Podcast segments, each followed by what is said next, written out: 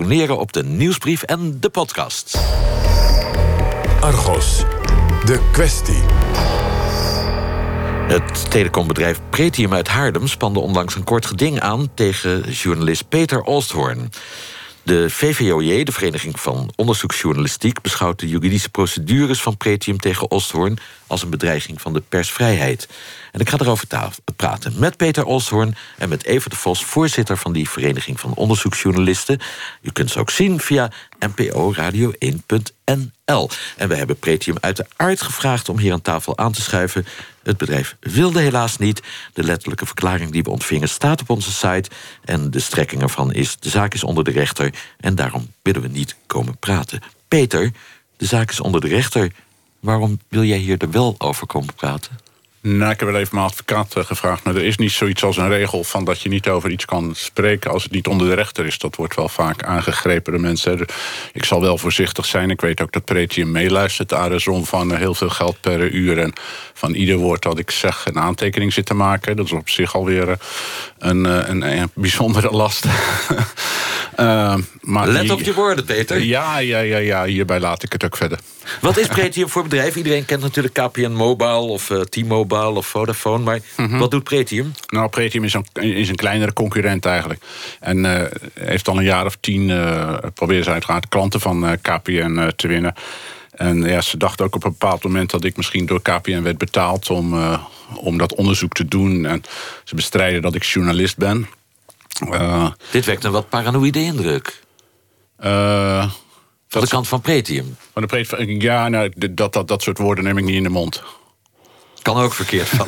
je bent wees geworden. Uh, ze hebben ontzettend veel rechtszaken gevoerd. Niet alleen tegen jou, maar ook tegen consumentenprogramma's als Radar, Kassa, Tubantia, nog veel meer regionale dagbladen. Waarom doen ze dat?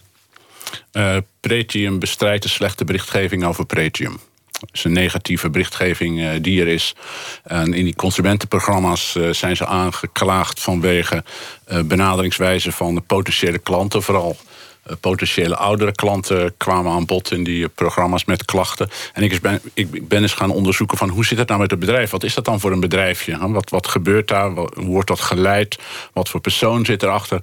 Hoe gaat het parlement ermee om? Want er zijn parlementaire debatten over geweest. Hoe gaat de toezichthouder ermee om? En, dan zie je in feite een, een kleine bankencrisis, een bankencrisis in het klein. Hè. Dit, we hebben dan een, een liberalisering van die telecommarkt gehad, uh, een, een callcentermarkt, wat min of meer een, eh, een cowboymarkt is. Of zeg ik nou weer een woord te veel? Nou, ik uh, ga dit aan mijn advocaat vragen. Cowboymarkt vind ik toch wel ver gaan. Ons woorden let hier. Nee. Ja. Hm? Dus ik, ik, nou, uiteindelijk, ik dacht één artikel daarover te schrijven. Dat werd in de loop der jaren 30 artikelen. En ik wist natuurlijk wel, ja, op een bepaald moment wil ik dat gaan publiceren. En dan krijg ik, uh, krijg ik wel last uh, waarschijnlijk met de Peetje. Maar dat deden ze al in de onderzoeksfase. Ze begonnen al een zaak tegen mijn onderzoek. Ik had nog geen letter gepubliceerd. Was ook wel weer boeiend wat daar ontstaat weer jurisprudentie. Wat wij als journalisten in een onderzoeksfase mogen doen. Dus je mag Pretium ook dankbaar zijn in zekere zin. Want er ontstaat wel wat jurisprudentie wat je als journalist wel en niet eh, mag doen. Maar ja, het gaat, het gaat wel ver. En het is een enorme mentale last en een uh, financiële last natuurlijk. Hm? Dat lijkt me ook. Je zei, uh, ik onderzoek onder meer uh, wie er achter Pretium zitten. Wat voor man er achter zit. Wie is dat? Uh, dat is de heer Hans Nijks. voorheen Hans Nix.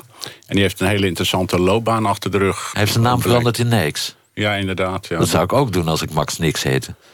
Als je Max Nix heette, ja, maar Hans Nix, dat lijkt een fantastische naam. Hans Nix trouwens ook, niks, niks mis mee. Wat is het voor iemand?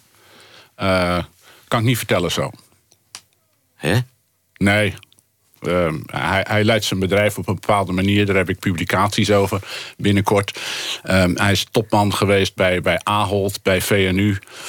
Uh, hij heeft uh, een bijzondere uh, carrière in, in Amerika doorgemaakt. Hij heeft gejaagd op bedrijven daar, bijvoorbeeld het grote persbureau UPI.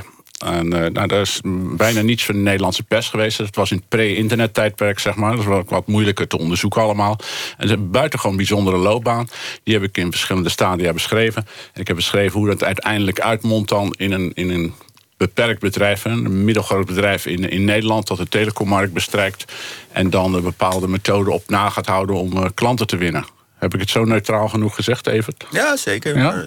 Gaat het niet mis? Oh, nee. Dit kan even de Vos. Ja, die kan zeker. Maar het is al heel erg wat er gebeurt. Dat we al heel erg op ons woorden moeten gaan letten. Uh, gewoon om te vertellen wat een bedrijf doet. Ja, ik vind dit een behoorlijk mysterieus radiogesprek worden. Ja, nou, dit is het grote gevaar. En daarom hebben we ook gezegd... het is een bedreiging voor de persvrijheid. Je ziet, het is een ontwikkeling die in Amerika gaande is... die ook in Nederland gaande is. In Amerika noemen ze het slepping.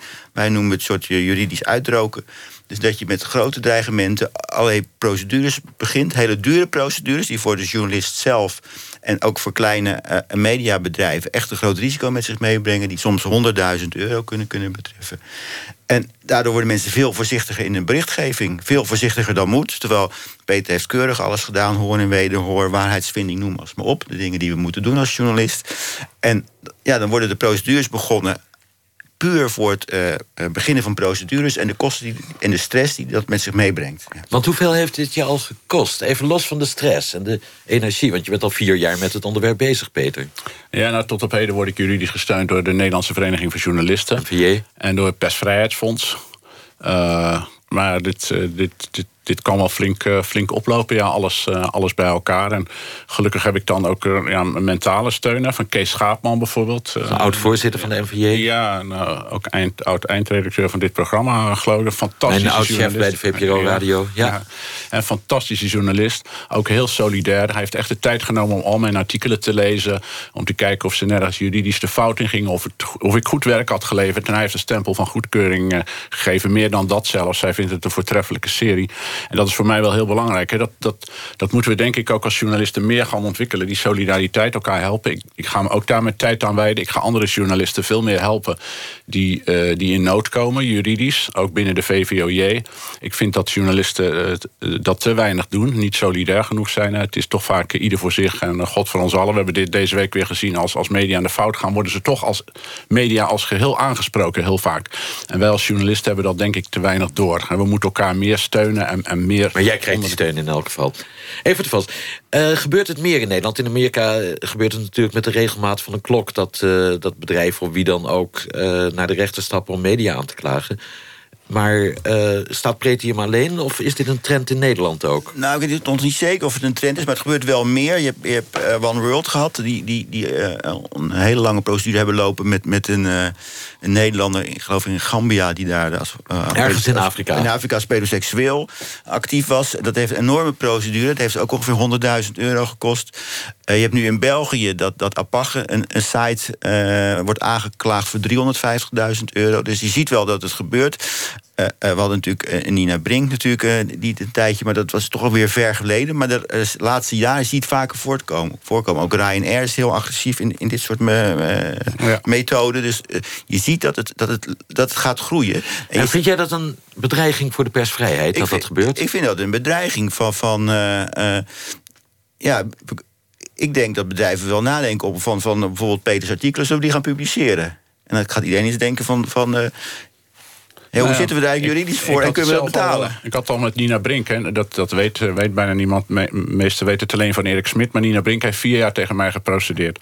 Uh, heeft ze verloren. Ik heb ook andere zaken meegemaakt. Ik heb nu zelfs, maak ik mee, dat ik moet nog aan een onderzoek beginnen. En daar ligt al een dreigement van het bedrijf via een advocaat. Met, we, we, we, gaan je aanpakken als je, als je hier te ver mee gaat. En niet alleen in Nederland, maar ook in, in het buitenland waar wij actief zijn. Dat je weet wat je doet. En er ligt nog weer een derde procedure. Dus het, het, loopt, eh, het loopt wel aan. Nou, nou wil ik toch even de argumenten ook van Pretium... en van meneer Nijks, die vroeger niks heette, uh, noemen.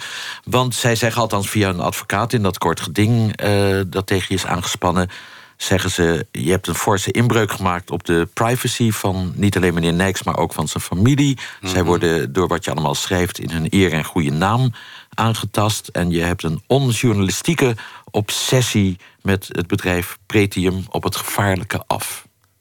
Ja, nou dat laatste is alweer gesproken in een bodemprocedure. Want daar is mijn journalistieke methode, mijn journalistiek is aangevallen. Dus daar heeft de rechter heel uitgebreid, hebben ze lang over gedaan. Een meervoudige kamer. Eh, die heeft al geconstateerd dat, dat, uh, dat die aantekening onjuist is. Die eerste van privacy, die, die krijgt nu de nadruk in het, uh, in het kort geding. En dat is onder de rechter. Ik kan er niet veel van zeggen. Ik kan alleen zeggen dat dat, dat, dat niet waar is. Ik heb het over meneer Nijks als, als zakenman. En sommige privéaspecten van zijn leven die zijn belangrijk om zakelijk te verklaren. Maar zijn familieleden, eh, behalve een zoon die, eh, die in het openbaar veel optreedt... dat is een hele, hele bekende documentairemaker in de Verenigde Staten... Eh, die, die, die noem ik echt met naam. En, en zijn, ja, zijn, zijn leven maakt ook zakelijk gezien. Hè, dus wat hij aan documentaires heeft gemaakt... want dat is grappig genoeg een vrij linkse documentairemaker... En meneer Nijks openbaart zich niet als een, een hele linkse man, zeg maar.